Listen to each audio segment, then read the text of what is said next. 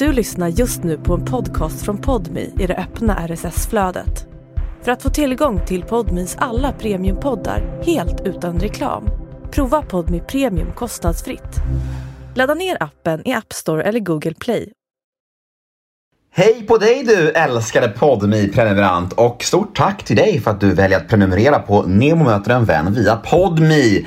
Det är ju så fint att ni hänger med mig vecka ut och vecka in. Det är något jag aldrig tar för givet och eh, jag är så tacksam för det. Och eh, veckans gäst är en riktig skådespelarlegendar. Under i princip hela min barndom så var denna man en av landets mest upplyfta och älskade skådisar. Men hur är det egentligen att åldras som klassisk skådishunk? Vad händer med ens identitet? Och eh, hur tänkte han kring att kliva på jobbet som ICA-Ulf?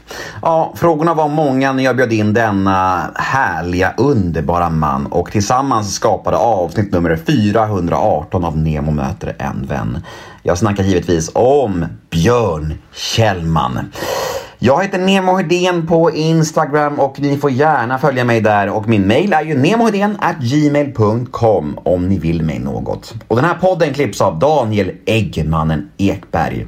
Nu dundrar vi igång avsnitt nummer 418 om Nemo möter en vän. Här kommer han, den fantastiska Björn Kjellman. Men först kör vi en liten jingel.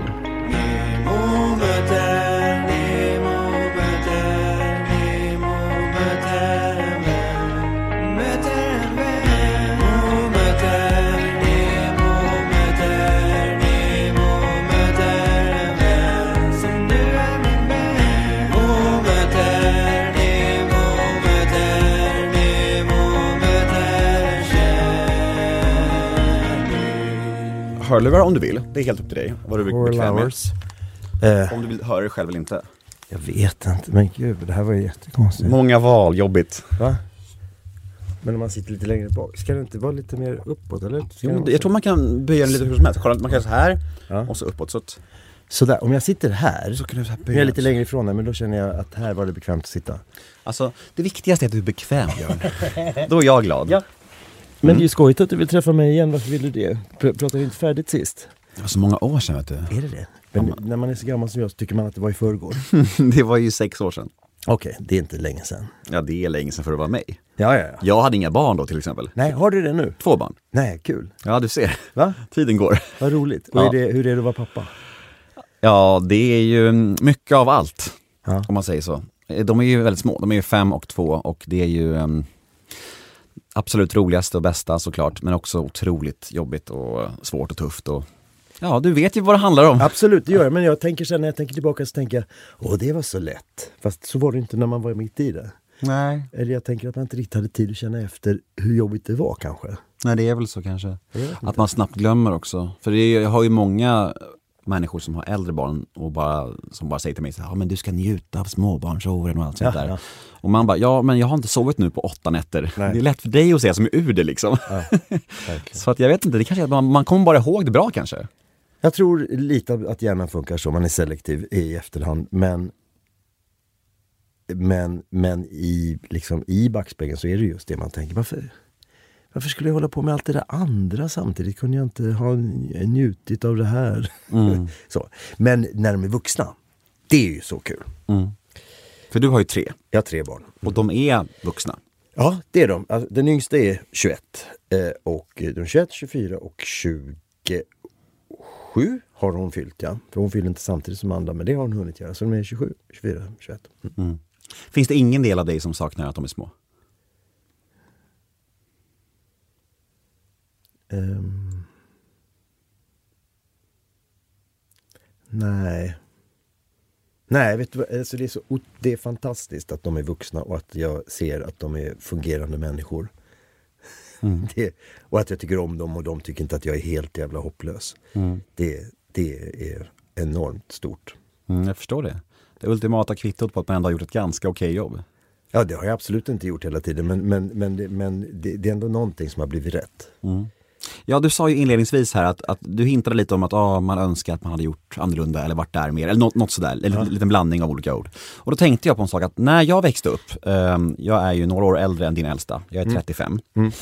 Då var ju verkligen du Alltså du var ju liksom största filmstjärnan i Sverige. Det var ju så, du var ju överallt och alla älskade dig och du var ju liksom, ja men lite Sveriges Hugh Grant tänkte jag på, kändes det som. Jag kallades för Sveriges, det var någon tidning som skrev att jag var um, budget, Sveriges budgetvariant på Hugh Grant. Vad tänkte du då? Mm. Jag, tyckte det var, alltså jag tyckte nog att det var kul. Det var kul. Men eh, jag har ju liksom ett, både ett, eh, hade i alla fall då ett, eh, ett gott självförtroende. Så jag tyckte han är väl inte så jävla bra. Men eh, det tycker jag ju nu. Det är, lätt, det, är också, det är också härligt med att bli äldre. Man har lättare att vara generös mot andra. Men det är ändå härligt att man har så pass gott självförtroende att man inte blir nöjd, utan man bara säger, nej men vadå, han? Ja, han är ju bara en världsstjärna. Ja. men... Eh, ja men det förstod jag ju. Ja, ja, det, ja, så, så, långt var jag ju med. Ja. men vem hade du hoppats hellre att bli jämförd med? Då? Alltså. Vem var din hjälte?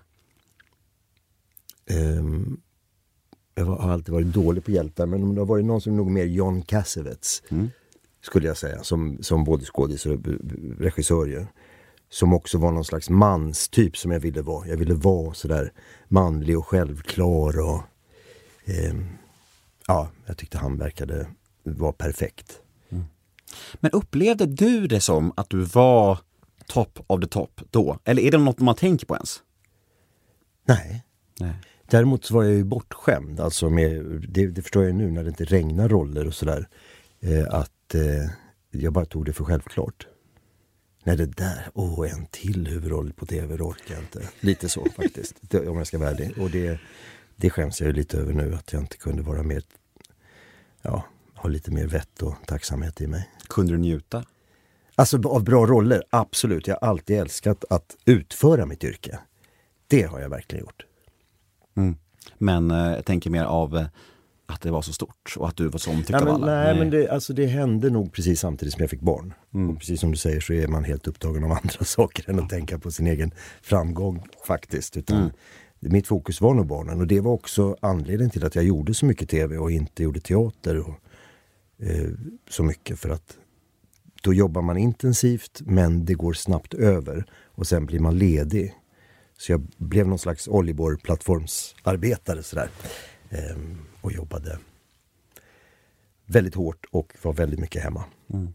Kan du sakna den perioden eller är du inte så nostalgiskt lagd? Eh, du menar med den här framgångsgrejen? Ja men precis, när man står på liksom toppen tänker jag. Um, bra roller saknar jag. Alltså de där eh, stora utmaningarna. Det kan jag absolut sakna, men samtidigt så blir jag ju mer glad för saker som jag blir erbjuden nu än vad jag var då. Vad ska han också fråga mig? Ja, det är sjukt det där alltså. Ja. Att vi lyckas funka så i skallen alltså. Ja. ja, det är konstigt alltså. Att man måste liksom ta sig ifrån allting för att kunna uppskatta någonting. Ja. Nej, men jag tycker inte, alltså sak, det är inte min, jag är inte mm, där och jag, jag har liksom alltid, som jag upplever det, har jag alltid haft eh, yr, i yrket gjort saker som jag har velat och jag har alltid vetat varför jag har gjort dem en, i princip. Alltså, en del saker gör man bara för pengar, en del saker gör man bara för eh, att det är så jädrans kul. Eh, och eh, där fanns det en utmaning, det är något nytt, det har jag inte prövat, det där är spännande, oj det där kommer jag aldrig klara. Eh, så, så, så har jag valt eh, jobb. Mm. Finns det några roller du ångrar att du tackade nej till? Eller tvärtom, ångrar att du tackade ja till? Ja, både och, men inte så att jag ångrar det så hårt att jag inte märker att jag har lärt mig av det. Mm. Nej, nej. nej. Man lär sig av allt. Och inte så mycket så att du säger det i en intervju heller, kanske? nej, jo men det var en tv-serie, för nu har nog väldigt många glömt bort att den fanns, som hette Rapport till himlen av Ulf Malmros, en 90-tals eh, tv-serie. Och jag fick det där manuset, jag tyckte det var helt hopplöst. Vad är det för... Det var så änglar och det, folk som gick igen och... Eh, jag, jag, minns faktiskt inte riktigt det, men, men det var inte förrän jag såg serien som jag fattade att det där är jättebra. Mm. Det är verkligen... Eh, och att jag kunde inte alls läsa det när jag fick manus. Men vad går man på då? Förutom det här som du var inne på. För du, du, du pratar ju om att vissa grejer gör man för pengarna och vissa gör man för men, ren lust, antar jag. Mm, mm. Och eh, ibland gör man grejer för pengarna för att kunna göra projekt mm, på ren lust. Men förutom det då, hur tänker man kring projekt? Tänker du mycket på vem som står bakom det? Eller är det manuset? Eller är det vilka som är inblandade? Mm. Eller vilka aspekter spelas in? Förutom det där du nämnde förut om pengarna kontra lusten. Alltså pengar, jag vet inte. Eh. Lalalala, vad ska jag säga om det? Jag vet inte. Jag, jag, jag, jag, kan gå igång på projekt med väldigt unga människor som gör saker. Så känner jag, oj vad kul att få vara med här. Mm, därför att då finns det en slags eh, nybyggaranda som är väldigt kul att få vara del av. Eh, och sen finns det några av de riktigt gamla rävarna som jag tycker är väldigt kul att få arbeta med. Eh, därför att jag beundrar dem eller för att jag tycker att det de gör är så pass bra. Eh, men jag vet inte. Jag, jag, tänker att jag alltid har i alla fall försökt att inte ägna mig åt att eh, det finns liksom en sån där värdeskala om vad som är fint och vad som inte är fint i vår bransch jättemycket. Och den har jag verkligen försökt med. Jag har liksom gått på min egen lust. Den har inte alls varit lika med den värdeskalan. Eh, som, utan jag har nog eh, gått på det jag gillat väldigt mycket och försökt undvika den där för att man lär sig väldigt snabbt att avkoda vad som är fint och inte. Mm. Eh, det, så det har nog varit mycket gut feeling. Mm. Jag, jag, tycker inte om, jag, jag, tycker väldigt mycket illa om det där att man ska vara um, att man ska tänka smart. Och det har jag nog inte, jag har nog inte tänkt smart och det är jag nog ganska stolt över på ett sätt. Men det har nog varit dumt. Mm. alltså utifrån så här, om man ska tänka, ja men då hade det lett till det och det hade varit bra. Så där. Men det spelar ingen roll. Jag har haft ett jättebra liv i mitt jobb. Och jag har Ja, det har jag verkligen. Fanns det en tid då du eh, närde en Hollywood-dröm? Eh, alltså närde absolut en dröm om framgång. Eh, och eh, men inte så placerad i, i eh, du vet, absolut, Hollywood står ju för framgång på ett sätt. Men jag tror att jag var jätterädd för det också. Att jag, och, och, och är nog så här nu, känner jag, vad bra att det inte gick så. För det, var lite, det hände lite saker som hade kunnat gå åt det hållet. Och det, det, nu så är det ju många som ändå... Så då hade man kanske haft kompisar. Som, jag menar, om, om man hade varit med i ett gäng, ett svenskt gäng där man hade kompisar, någon slags trygghet i den där nya världen. Men eh, jag, jag, jag, eh, nej, jag, jag hade inte alls... Eh, jag hade nog väldigt lätt kunnat gå vilse i det, tror jag. Mm. Har du några många skådiskompisar? Jag? Ja. ja, absolut. Vem är din, eh, alltså den närmsta vännen du har som verkar i samma bransch? Som man vet vem det är? Eh, ja, du... Som du umgås med liksom, ändå? Tar en ja, middag med någon gång? Rickard Wolff var ju min bästa vän. Eh, eh men han lever inte. Ehm, det är många som inte lever tyvärr. Men ehm, de har dött lite för tidigt, mina vänner. Eh, men Gunilla Rör är chef på Norrbottensteatern. En gammal vän till mig. Mm. Ehm, jag har många vänner, men alltså av de där som jag har varit med hela tiden så Ja, Gunilla och Pelle, ja, några till. Mm. Vet du vad jag tänkte på om dig, förutom att du var överallt när jag var liten? Mm. Jag tänkte också att han har så himla snäll röst, tänkte jag. Det är många som säger, jag kan inte... Selling a little or a lot?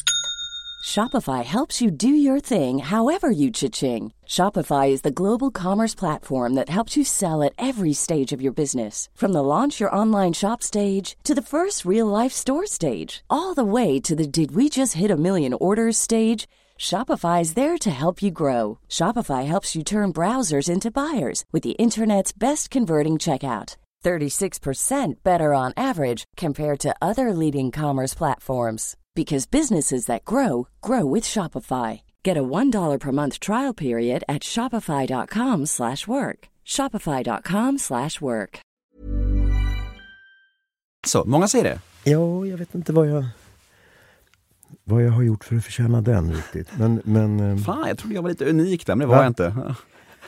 Nej, men jag har gjort lite inläsningar. Där, Mm. där, folk, där sk- skriver folk till mig väldigt snälla saker, måste Mm. jag säga. Så det är ju eh, att de somnar till mig.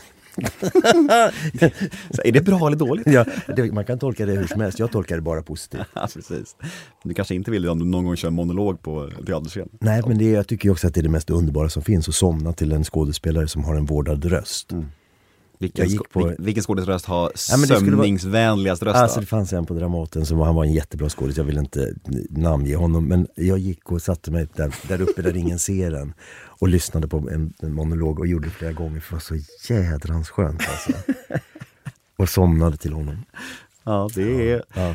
Det är både smickrande tänker jag och lite tvärtom Ja, men man också. skulle inte vilja berätta det för det Nej, skulle inte, jag skulle inte kunna presentera det som att det, var ett, att det var positivt. Men jag tänkte det väldigt positivt. Exakt, och han skulle inte veta hur han skulle ta det här. Nej, Det nej, nej, det. Roligt.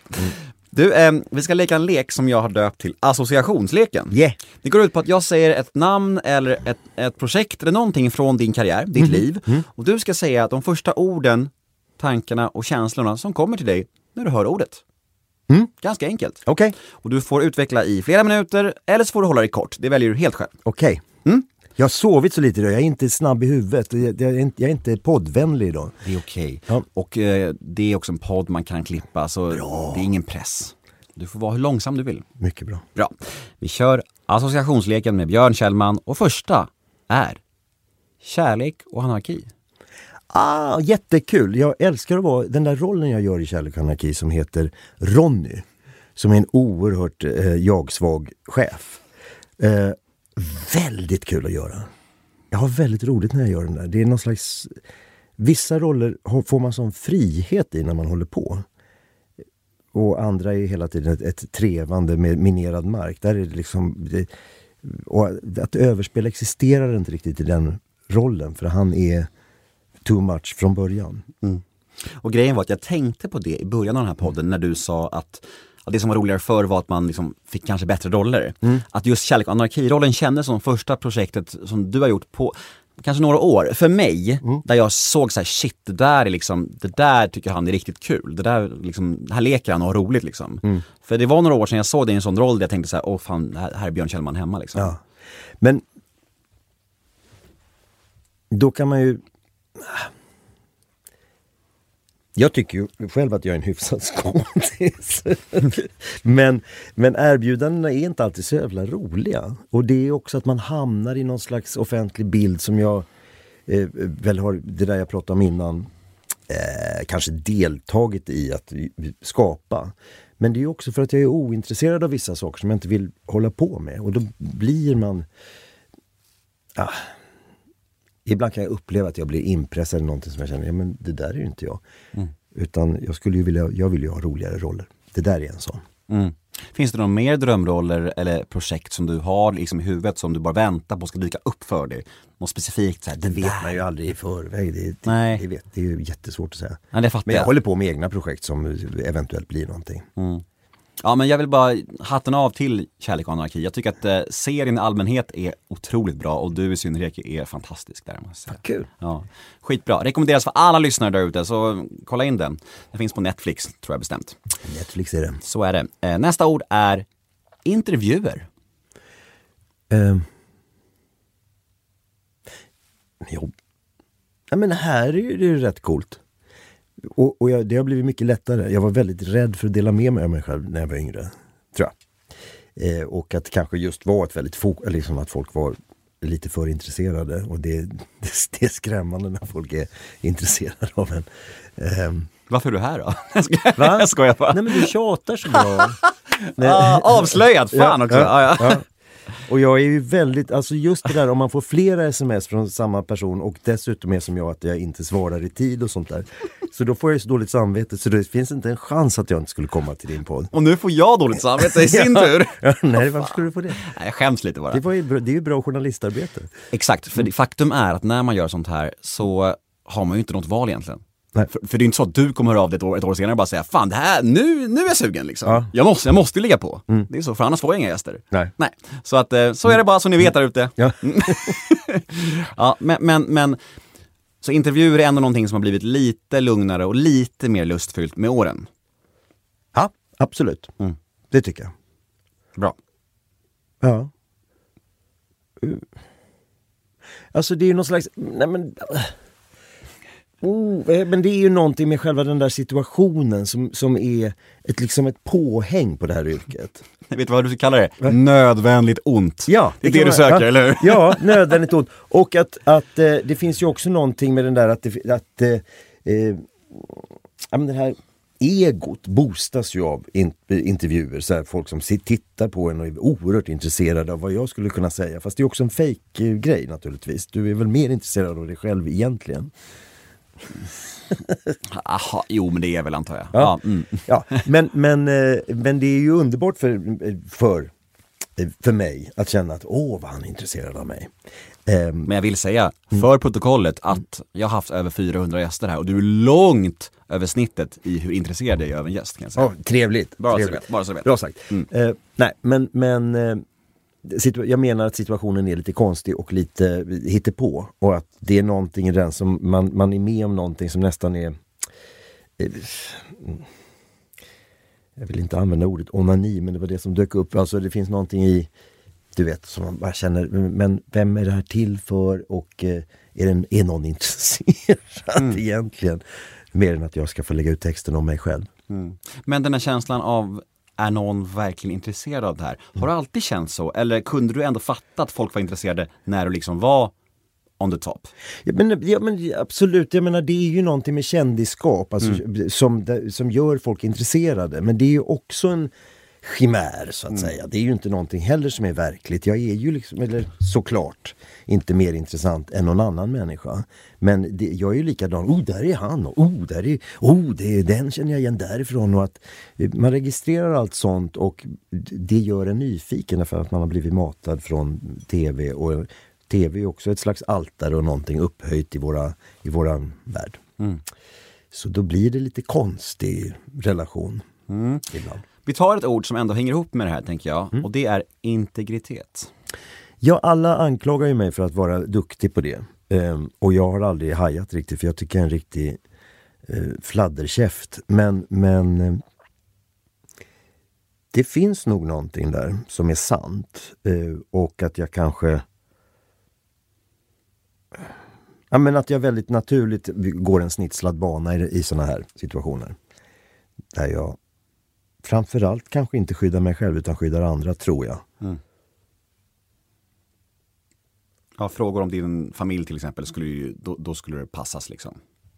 Ja, men jag skulle säga saker som jag är nog övertygad om att det, det, det står de ut med. Ja, jag fattar. Mm.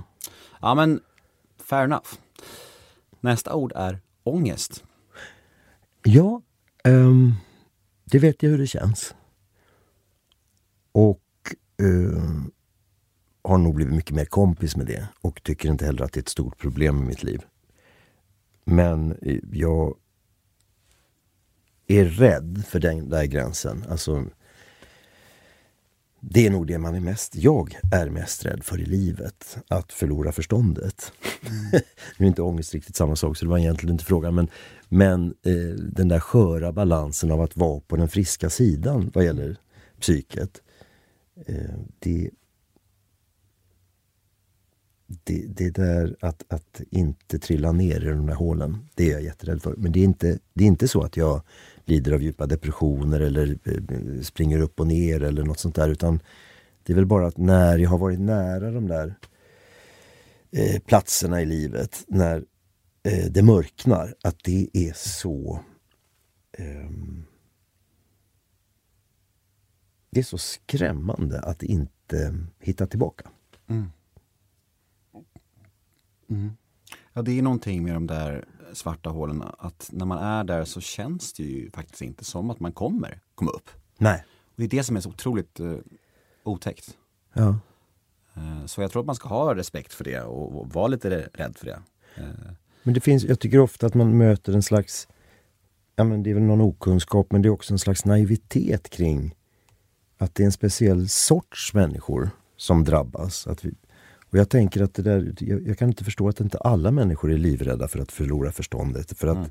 det är så mycket som i den här världen, och inte minst nu, men, men hela tiden. Alltså att det är så mycket som vi ska processa och klara av och gå vidare från. Eh, att det blir nästan obegripligt att människor eh, tror sig alltid vara, kunna behålla det där kunna, kunna fortsätta vara friska helt enkelt. Mm. Ja men det märker man inte minst när man driver intervjupodd kan jag säga. Alltså jag sitter ju här och frågar mina gäster ofta hur de har det med ångesten och så. Ja. Och vissa är ju totalt ångestbefriade och helt obrydda inför världsläget och liksom har inte ens känt oro i kroppen. Och då sitter man bara här och bara va, Hur går det till? Va? Man fattar liksom inte. Va? Och så tänker man så här, ska jag vara avundsjuk eller eller är det bra att vara så? Eller jag fattar inte liksom. Det är så konstigt. Ja, men jag tycker nog att det är en gåva att, att få lov att känna. Ja, ja, ja. Att vara en människa som ändå är i kontakt med ett känsloliv. Det, det måste jag säga. Är, ja, det, det, är väl så. ja, ja. Nej, men hellre det än det där o, det otroligt obekymrat lallande genom livet som man kan bli jätteavundsjuk på. När, men det är också det finns ju, jag ser ju det som något så kallt. Mm. Alltså det finns en sån kyla i det att att inte kunna eller empati, brist, nästan brist på empati med, med sig själv. Att mm. inte kunna se, men du har det ju för jävligt, titta runt omkring mm. dig. Um, men, nej, men exakt, ja, ja. det där är verkligen så. Jag har tänkt på det mycket. Om man liksom så här, när man är i de här värsta perioderna av dåligt mående eller ältande eller oro eller vad det nu kan vara. Så tänker jag bara så här, fan vad jag önskar att jag var någon som inte kände så mycket. Men alternativet är då att vara någon som bara går genom livet och inte bryr sig så mycket om någonting och som du säger, empatin liksom tar, blir också lite såhär, ja, men finns det någon där då liksom? Och, och, om det är alternativet, då är jag ju hellre som jag är nu. Ja. Om jag måste välja. Det är ju så, så jag är helt med dig. Helt med dig. Så vi enas i det i alla fall, det är bra. Mycket bra. Toppen. Eh, nästa ord då, är alkohol. Ja. Um, jag tycker om att dricka. Um, och har aldrig någonsin känt något, um, nej men att jag liksom skulle kunna trilla dit. Och jag dricker väldigt lite. Men jag, jag är snarare på den där, när jag borde dricka mer. Lyxproblem kallas det. Ja, ja. ja. Nej men jag har inte alls något sånt beroendeproblem. Mm. Tvärtom, alkis. Jag borde dricka mer. Ja men därför att jag mår bra av att göra det. Jag, mm. jag trivs, eh, jag tycker det är väldigt kul att hänga med, med polare och eh, dricka. Nu är jag på turné i Göteborg och tar ofta en öl efter föreställningen och sådär. Och det är ju ett osunt liv om man gör det hela tiden. Men, men nu spelar vi bara helger. Så jag, jag, tycker det är så härligt att få unna mig och vara ute och svira på nätterna. Mm. Sen går jag och lägger mig vid tolv i alla fall. Jag orkar inte mer. Rickard Wolff. Ja.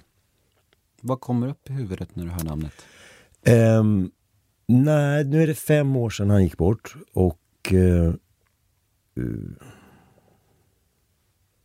Ja, nej, jag saknar honom väldigt mycket.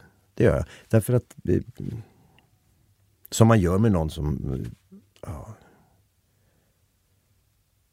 Ja men vi var ju, jag, jag hade ju liksom, ja, vi ringdes nästan ja, ett par gånger i veckan sådär. Och, det, och träff, bodde nära och träffades. Och han var mycket hos min familj och så. Men... Um, Hur var han som eh, kompis?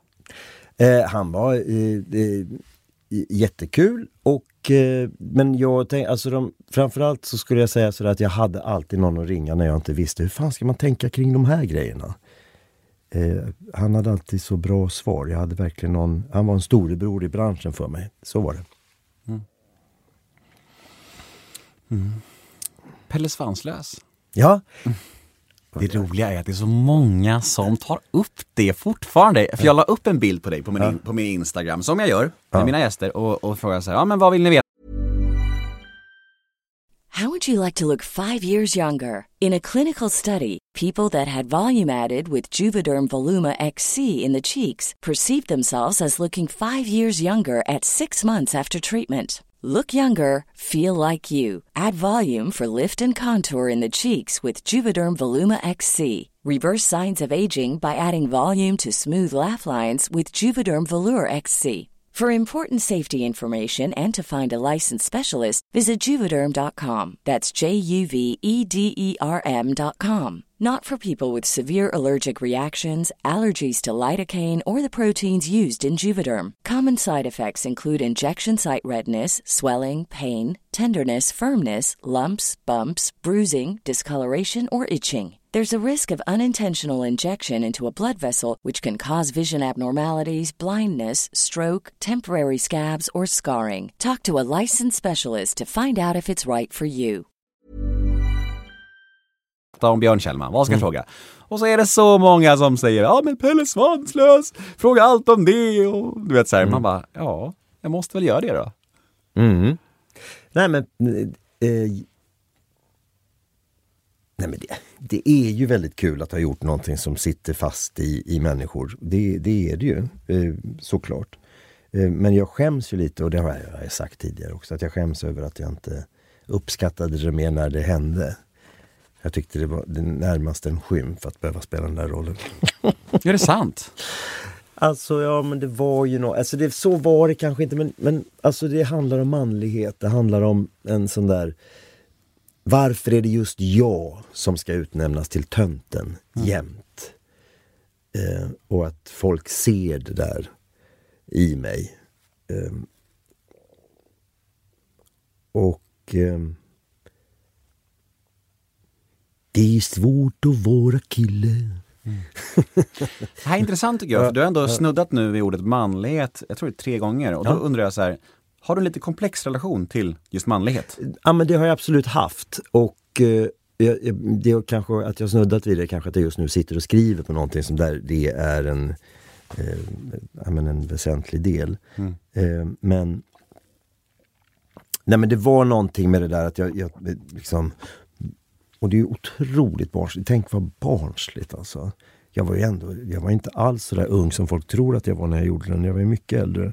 När gjordes den? 90... Ja, den var julkalendern 97. Då var jag, jag är född 63, så jag var ju över 30 år. Jag var ju 33 eller någonting. och var avundsjuk på, på um, Christer Fant som fick spela Måns, den tuffe killen. Så vi gick runt där på inspelningen och bara, jag vill ju vara Måns! Ja. och dessutom fick alla andra ha stora svansar och jag fick ha en liten mini. Det var ju jobbigt för mig. Ja men verkligen, det måste varit tufft. Varför klev du på rollen då? Om det nu var lite så ambivalenta känslor Nej men jag det. tror att jag inte, jag, jag insåg inte det förrän för sent men, men jag tyckte det var jättekul att göra en julkalender och, och jag tycker också det var kul. Och det här var inte, alltså, jag kände ju en jädrans massa olika saker inför det där. Jag hade väldigt kul och det var ett roligt jobb. Och, eh, men det pågick väldigt, väldigt länge och sen så, så hände det precis samtidigt som Adam och Eva kom. En film som blev en väldigt stor succé just då. Och där var jag ju, där hade jag äntligen fått liksom vara lite så här snygg och var på så här lister och var snygg i Sveriges snyggaste snubbar och sånt där. Eh, det tyckte jag ju jättemycket om. Egot i mig. Pelle Svanslös han har det svårt att hamna där. Och, ja, det har gått över. Jag tycker ändå att det är fint att det jämnar ut sig liksom. Att upp med Adam och Eva, ja. Hunk och ja. sen Pelle Svanslös. Ja, men det var liksom, vi typ hade premiär i januari och i februari började vi spela in. Ja. det var... Jag tänker att du behövde det, lite balans där. Ja men det var ju verkligen någon som, som tog tag i mig och höll mig nere vid mm. marken när det svirrade till. Mm. ICA-Stig? Ja, det är väldigt kul att göra.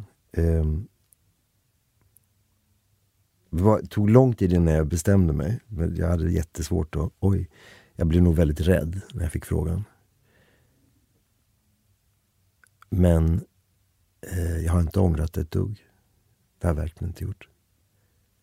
Hur stor inre konflikt var det mellan den här eh, ja, men, seriösa skådisen och integritet och allt sånt här som vi pratade om mm. tidigare och, och det här, ja men fan det här är ett bra jobb, det är bra pengar och det är liksom så här, det kan bli kul liksom. Alltså vad, hur, hur resonerade du?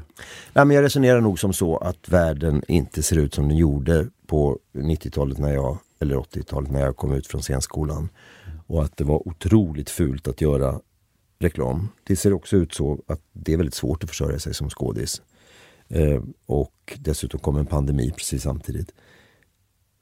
Så valet var ganska lätt utifrån det ekonomiska. Men sen är det klart att, det var, att jag bekymrade mig. Hur ska det bli? Och kommer jag få andra jobb? Så där, men det har jag ju fått. Det har liksom inte varit några problem. Mm. Sen är det klart, jag ser ju inte de som låter bli att fråga mig.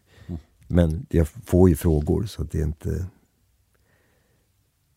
Men, men det Alltså var och varannan skådis gör ju reklam. Mm. Det är ju inte alls så udda och, och hade kulturen sett ut på ett annat sätt hade vi fått bra betalt för eh, på teatern till exempel. Det är ju väldigt låga löner på teatern. Alltså privatteater, film och tv är bättre betalt men den eh, alltså, institutionsteatern är inte så fet om man skulle leva bara på det. Nej, det känns som det har suddats ut helt det där. Och det gäller ju inte bara skådisbranschen. Det känns ju överlag att alla gör reklam överallt. Jag, jag såg nu häromdagen när jag gick förbi Sibylla så har liksom Björn Borg gjort den nya Smashburgaren och man bara, Björn Borg? Jag, jag fattar ingenting. Jag var lika chockad då som, som eh, jag var när jag såg dig i Ja. Ica. Var du chockad? Så här, jag tänkte då det som du säger ungefär, på rätt sätt. Alltså så här, jag, jag fattar att det är ett gig som det är otroligt bra betalt på och att, att eh, liksom, spelplanen har förändrats och att eh, alla gör det de behöver liksom, för att ta sig fram. Det är ju så och det är, jag, jag har all respekt för det. Och jag, alltså så här, samtidigt som jag samma veva såg Kärlek och anarki, där jag var superimponerad, så då tänkte jag så här, ja men vad fan, jaha, fine liksom. Men jag, jag kan tänka mig att du ändå som jag känner som lite så här, ja men som sagt mycket integritet och en känslig konstnärssjäl och så här, att du var rädd för mycket skit. Ja, absolut. Visst var jag det. Jätterädd. Men jag är alltid lite rädd. Också. Jag, jag har ju lätt för den känslan, rädslan. Men eh, jag tyckte också att det var lite, alltså någonstans kände jag mig lite kaxig också. Ändå. Att du bara sket i det liksom bara. Ja, ja. att det här, ja jag behöver verkligen de här pengarna. Och det är inte ett tråkigt jobb. Det är riktigt kul och det var jättekul med Susanne och mig och det är ett roligt gäng som redan har jobbat ihop jättelänge. Eh, och nej men, nej. Det kändes ju som jag ville det. Då är det klart jag ska göra det. Så kul för att när den här podden drog igång för, ja men över åtta år sedan, en av mina första gäster var Paul Tilly. Ja, Mm. Som är din eh, partner i ICA-gänget. Ja. Mm. Och jag kommer ihåg att vi pratade off mic om vad han tjänade i reklamerna. Ja. Och, då, och då kände jag bara så här, alltså klart han aldrig slutar med det där. Alltså, det, det var såhär sagolika pengar, jag bara, och så räknade han upp hur många reklamer han hade gjort och jag bara gångrade så bara det är så mycket pengar, jag blev helt galen. Och jag, jag, bara, ja, jag fattar, jag fattar, du behöver inte säga mer liksom. Så att jag har all respekt för er, all respekt. Du, vi går till nästa punkt. Ja. Och nästa är Adam och Eva. ja. Är den, den är på topp 10-listan över mest sedda biofilmer i Sverige någonsin såg jag. Är den? Mm, jag tror det. Jaha. Eller topp 20, top 20 kanske var. Ja, för att den, den togs nämligen ner från biograferna. Det var någon topplista vet ja, i alla fall. Ja, men därför att det, vi, den var liksom inte färdigspelad på biograferna så valde SF att ta ner den och det var vi jätteirriterade på, kommer jag ihåg. Men varför togs den ner då? Vi vet inte, det skulle väl komma någon amerikansk storfilm eller någonting. Med Hugh Grant kanske? Säkert med Hugh Grant, helt övertygad om. Den jäveln! Ja, Hugh Grant. Ja, men, men eh, hur som helst, var det ju en brak, brak, brak succé. Får man Ja, säga. verkligen. Och, och hur minns du den perioden? Och... Jättekul. Och det var, det var ju också kul, jag hade ju jobbat med mycket äldre människor. Så fick jag plötsligt arbeta med människor som var lika gamla som jag och eh, som tänkte som jag och hade jättekul idéer och var... Det, ett, det var en slags kreativitet som bara var generationskamrater liksom. Det var väldigt kul. Känner man när man är med i sånt projekt som verkligen blir en stor succé, känner man där i stunden att fan det vi, det vi gör nu, det ha- har ändå något speciellt? Eller är det alltid en överraskning sen vad som slår och vad som inte slår? Alltså, ja men vad som slår kan man inte säga. Det- Jag kan ju bara känna så här, det här tycker jag om. Det här gillar verkligen jag, hoppas att andra också gör det typ. Men Ja men sen kanske, kanske inte då, men sen senare har jag nog känt så här, ja men det här måste ju ändå gå hem. Men det händer också så mycket i den här processen efteråt så att det är väldigt svårt att veta vad det är för, för någonting som kommer ut.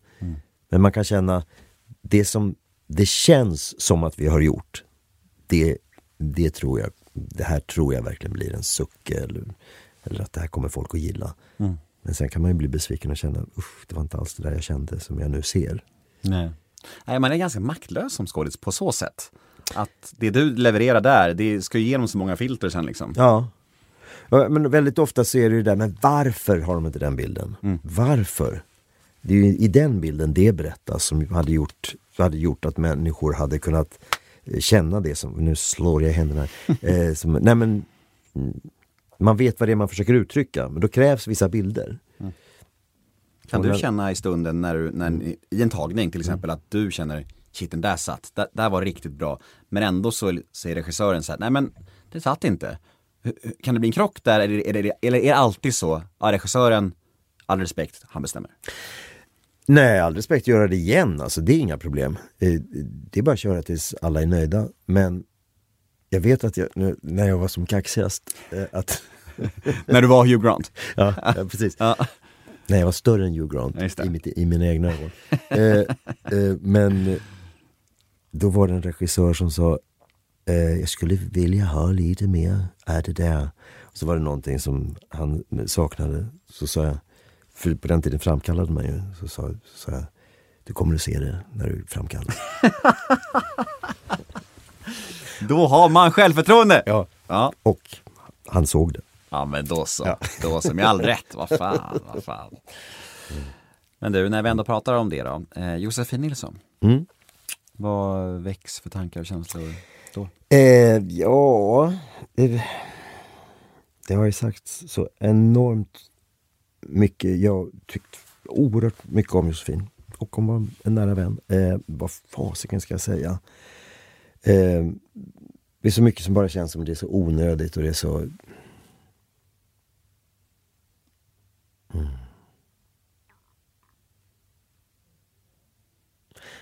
Mm. Jag vet inte. Det är, alltså det är också människor som inte finns längre. De finns ju fortfarande i en jättemycket. Och hon är verkligen en sån som jag har med mig i livet. Hur var hon? Hur var hon som människa? Väldigt kul. Oerhört, oerhört rolig. Och jädrigt smart. Ehm, ehm,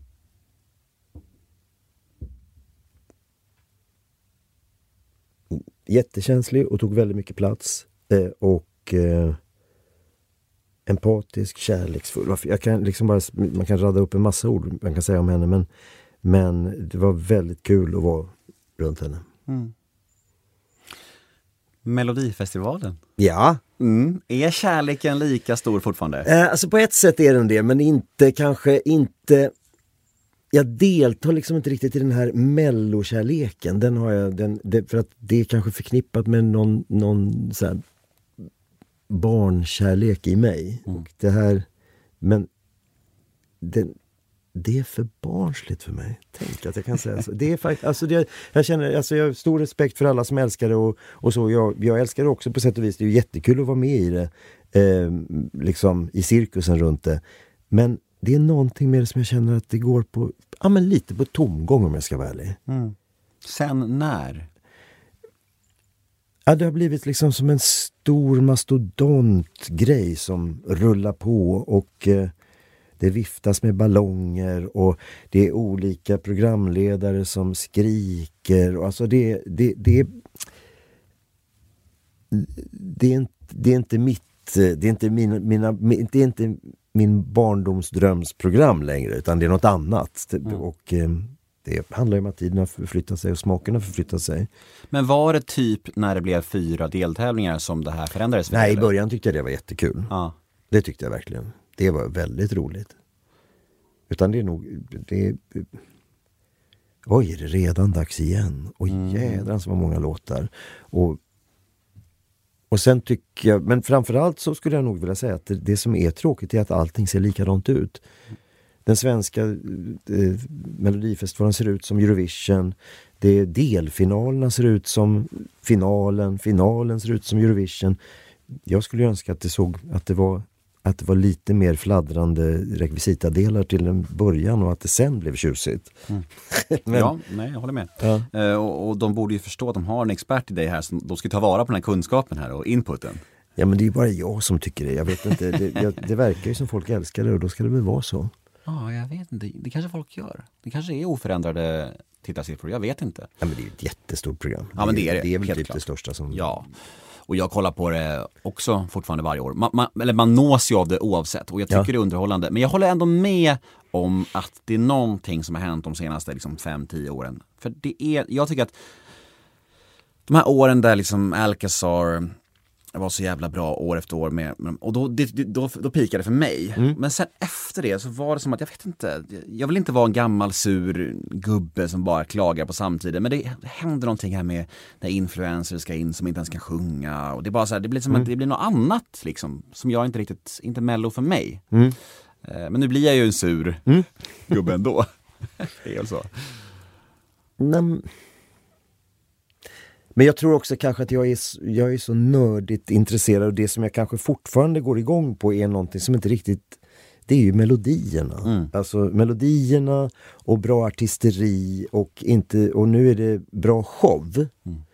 Men det är väldigt lite vila hos en människa och få lov att möta, alltså det mötet med artisten utan det är jag kan tycka att det liksom är ibland lite så här, men gud, är det, inte, är det bara känslor på låtsas? Därför blir det ju så fantastiskt när den här till exempel den här tjejen som hette Klara Klingenström, när hon sjöng en låt och var så Ja men där blev det kontakt. Verkligen. Ja, Alltså, och, det, och, det, och det står ut tycker Mm. jag. Ja men det blir ju så att när någonting väl är på riktigt så bara så bara puff, det bara just det, så här det kan vara, det är så här det ska vara. Mm. Och sen är det inte heller något som är dåligt och det tycker jag är nästan ännu värre. Ja, du saknar de här kalkonerna? Ja, alltså Ja. någonting som, är, som inte är kalkoner för att det är tänkt att vara en kalkon utan Mm. det är en kalkon för att det här har de tänkt fel. Ja, just det. Det, det, det är väldigt underhållande. Ja, helt, helt enig. Ja. Ja, eh, nästa då. Eh, Vägen ut. Ja, Vilken fin film ändå. ja. Det var det var jättelänge sedan jag såg den. Ja. Men jag tänker att eh, jag såg om den för inte så många år sedan och jag kände ändå att den hade åldrats med värdighet och att det funkade liksom. Och Att det Vad kul! Ja, jo, det. men den gick på tv faktiskt i... Därför jag var nere i Helsingborg och spelade Amadeus i, i våras. Och då satt jag och tittade på tv så såg jag, vad är det här? Titta där är Chantironi och Thomas Hansson, vad kul! Mm. Undrar vad det här är för film? Och sen var det klipp till mig. Det är roligt. Då förstod jag vilken film det var. Ja. Eh, Men, eh, så då såg jag lite på den. Det var, det var liksom bara precis på slutet så jag hann inte se så mycket. Men det kändes också, jag tyckte det, ja. Men visst var det så att ni, ni spelade in den på ett riktigt fängelse? Mm. Ja. ja det här som ligger i Åkersberga va? Mm. Vad är det heter? Jag vet inte vad det heter men det låter bekant. Den anstalten. Mm. Där spelade vi in en hel del, men vi var också i studion. Hur var det? Själva Att banda på ett fängelse? alltså det var väldigt eh, uppstyrt, så vi träffade ingen vad jag minns. Nej. Men däremot var det väldigt många, det var det både i den här fasadklättringen jag gjorde och i den så var det ju väldigt många statister som var eh, före detta fångar eller hade liksom någon erfarenhet av det där. Så man träffade ju väldigt spännande människor. Ja, vi har ju Jag jobbar så mycket, du vet man jobbar så mycket. Man, man, jag, glömmer, jag glömmer allt. Jag Nej. bara, oh, det händer det och händer det. Och sen ibland när jag tänker, jävlar vad jag var med om konstiga saker idag. Ja, men också så här, det, det är ofta så här när man intervjuar folk eh, och skådisar då att man tar upp ett projekt och så för dem är det ju bara ett projekt i mängden på något sätt. Med, med, med, alltså så här, det är, för att du hade så många filmer och serier då samtidigt. Ja. Att liksom det blir nästan svårt att komma ihåg någonting för att eh, Visst, några var ju supersuccéer som Adam och Eva och Vägen ut men, men du hade ju lika många andra saker också som, som du kanske inte får så mycket frågor om annars. Nej men det är ju sant och, eh, på ett sätt är ju en, inspelning tar ungefär lika lång tid som en annan inspelning. Så det är klart att de... Men eh, den var speciell därför att den var... Det var en sån bra historia. Det var liksom en, en... Jag trodde mycket på den och den blev ju också framgångsrik. Jag fick Guldbagge för den där. Det var inte dumt. Snyggt! Ja, Mm. det var ju tjusigt. Vi har ju eh, betat av några bortgångar i den här podden redan. Det blev ju nästan som ett eh, tema på något sätt. Ja. Många som lämnar oss. Och även en från den här casten gick ju bort nu Ja. häromåret. Oliver Loftén. Ja just det, det gjorde han ju. Ja. Jag hade ingen kontakt med honom efter inspelningen. Men Det kan jag förstå. Han har ju levt ett väldigt struligt liv. ja, Men hur minns du han från själva inspelningen? ja väldigt gullig, rar människa. Mm. Och jag minns att han hade det jobbigt. Eh, men eh, det var ingenting som jag kände till så mycket om. Men han var väldigt öppen. Han hade någon slags väldigt Ja, han hade någon väldig öppenhet. Jag tror det var Thomas Hansson som jag intervjuade för något år sedan och då pratade vi lite om, om just det här. Och då sa han att han, det var så här sjuk grej att han typ skulle in, han, han blev dömd för ett brott samtidigt som er inspelning där och skulle in på anstalten sen i efterhand som Ja, fånge. Ah, det är så sjukt. Ja, det har han rätt i. Jag har helt glömt det här. Men What are the odds liksom? Mm. det är så sjukt. Drömmar och framtid. Jag tycker fortfarande att jobbet är väldigt kul. Och jag vill fortsätta jobba och göra bra grejer som jag själv tror på. Och jag har försökt att... Eh, ja, men jag har nog liksom försökt att göra lite mer... Dra i projekt som jag själv vill. Försöka få att bli verkliga. Och det har jag väl lyckats med. Jag gjorde, jag gjorde verkligen inte men eh, jag jag lyckades få en tv-serie gjord genom att föreslå eh, som hette Delhis vackraste händer. När jag tyckte att det var tjötigt ont om roliga roller för mig. Eh, och det, det är flera år sedan nu. Som blev en fin liten miniserie. Eh, och det var bara, det gav blodad tand bara att jag kunde lyfta luren och ringa olika människor och, det, och de sa åh, åh, det låter bra, åh. Har du haft många sådana känslor i dig att du vill producera, regissera och, och liksom testa nya grenar? Absolut, känslorna har funnits väldigt länge men jag är otroligt rörig och jag är inte alls en producenttyp och jag... Nej. Alltså, jag är fel person att driva saker. Däremot så är jag en idéspruta och jag kan liksom... Eh, men jag måste ha någon att hålla i handen som driver. Jag kan inte driva själv, än så länge. Men jag kanske blir vuxen en dag, who knows? Kanske. Ja. Vi får se. Ja. Vi får se nästa gång du är här. Ja. Om du är vuxen då. Ja. Du, vi ska avsluta podden med lite snabbfrågor. Ja, Mm. Nu ska vi beta av ett gäng här. Kör. Vi kör. Paradrätt. Um, pem. Oj! Jag bakar ju väldigt mycket. Jag, jag tycker ju väldigt mycket om att vara i köket, så, men, men eh, brödbak, det är nog eh, det som folk säger, ja han brukar baka bröd va? Mm. Så det är det du, du bjuder på om du ska visa vad du kan liksom? Nej, det gör jag för jag tycker det är kul. Jag tycker, nej. Och sen plockar jag alltid svamp. Och eh, det gör jag ju mer än jobbar, plockar svamp. Mm, Jag undrar om vad det säger om ditt arbetsliv eller om ditt svampplockande? Nej men svampplockandet är, är maniskt. Ja, jag fattar. Mm. Mm. Min farsa var ute och plockade igår och han sa det att man hamnar som i trans, Mm. att man inte kan sluta. Och, och vi skulle liksom kolla på fotbollsmatch ihop och, och, och, han bara kom inte. han bara, jag fastnade här i Vallentuna, man bara fan! Vallentuna. Ja, han, det är Det ett bra plockställe där tydligen. Så. Okej. Ja, så du vet, tips Ja, till dig. Du får ringa min farsa. Mm. Ja. Vad missbrukar du? P- Spotify. Ehm, Netflix. Men, men lite, och mobilspel. Mm. Där jag slänger flera hela tiden. Och sen så märker jag, varför har jag laddat ner det där? Utan att jag riktigt har sagt ja till mig själv. Mm. Och sen så slutar jag inte. Vilken egenskap hos dig själv föraktar du mest? Ehm, pe- pe- pe- Ja men det är nog det där som jag just var inne på, att jag är så rörig och att jag har så svårt att få saker ur händerna. Mm. Utan jag fastnar i detaljer väldigt, väldigt lätt. Ångesttrigger? Men, ja, ja men sånt där, det var jag också inne på, alltså det, vi kan ju ta betydligt svårare saker men, men jag är ju sådär att jag glömmer att svara på mail och glömmer att svara på sms och, eh, och det är otroligt ångestskapande för mig. Men det är, dess, det är dessutom så att jag är väldigt dålig på att åtgärda det.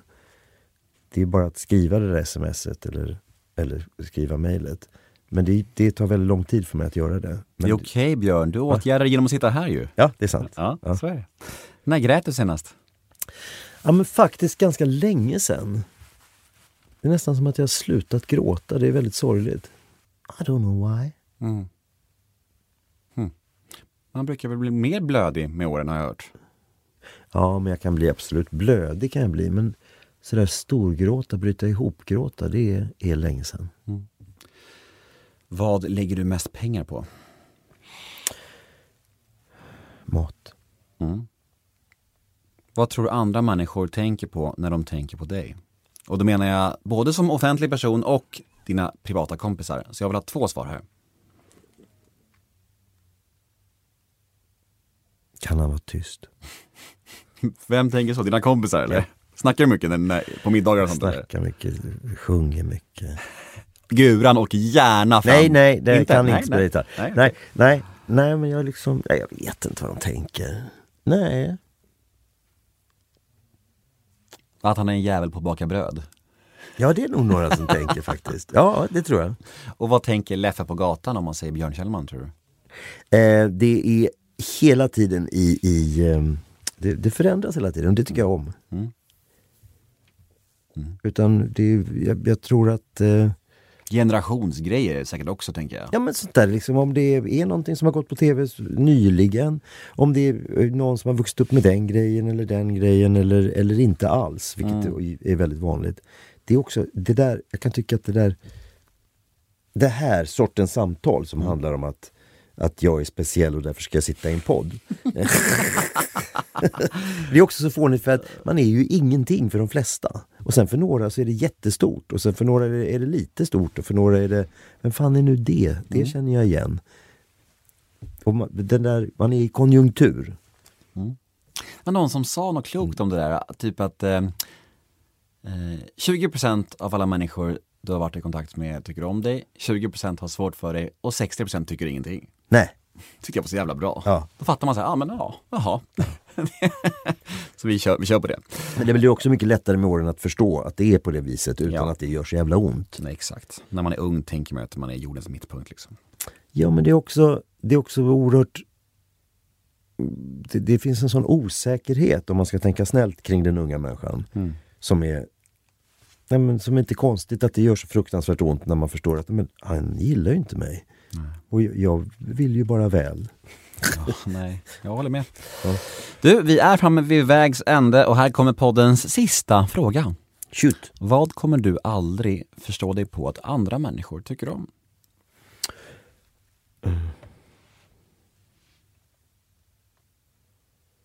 Jag säger aldrig aldrig. Ja, men sånt där, det finns ju jätteobehagliga saker som jag inte förstår när folk gillar. Men, men eh, det finns ju också någonting som man märker, nej men det där var ju jättebra.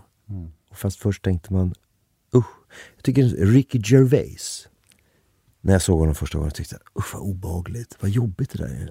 Och nu tycker jag att han är helt fantastisk. Det är väl ofta så när man öppnar sina sinnen för så här trender eller folk som har slagit igenom. Då, då bara, "Ja, men shit han har ju någonting. Ja. För annars skulle de ju inte slå igenom. Nej, Det är ju så oftast. det är su- surt det där alltså. Ja men det är också väldigt roligt. Ja, att jag, jag menar först möter man, man möter saker först med fördomar och sen så eh, kan man ibland dra upp eh, rullgardinen och märka och släppa in. Mm, verkligen. Så lär man sig något nytt. Verkligen, och det är någonting fint i att få sina fördomar krossade såklart. Det är det! Då känner man sig som en stor människa också. Ja man, men det är ju att vara en större människa. Verkligen. Alltså, och inte så att det är fint att känna sig som, eller jag menar det kan, det kan också vara. Men jag menar bara att det där att få lov att bli större, att få Ja. lov att hitta nya rum i sig själv. Det är ju det, det, är ju det mest underbara som finns. Inte Ja. för att man ska vara bra för någon annan utan det är för det är bra för en själv. Ja, att man känner att man inte står och stampar i samma mönster hela livet liksom. Nej, vilket man gör ändå. På något sätt gör man det. Vad fint det här var. Tack, ja jättekul! Ja, jag tycker att det var jättehärligt att, att få träffa dig igen. Och eh, ja, nej, jag har väl inget mer att säga än så. Vill du säga något mer innan vi signar ut för idag? Ha det bra där ute. Ja, men ha det så bra mina älskade lyssnare och vi hörs igen nästa måndag. Tack Björn Kjellman och tack alla ni som lyssnar. Puss, kram, hej då! Hej då!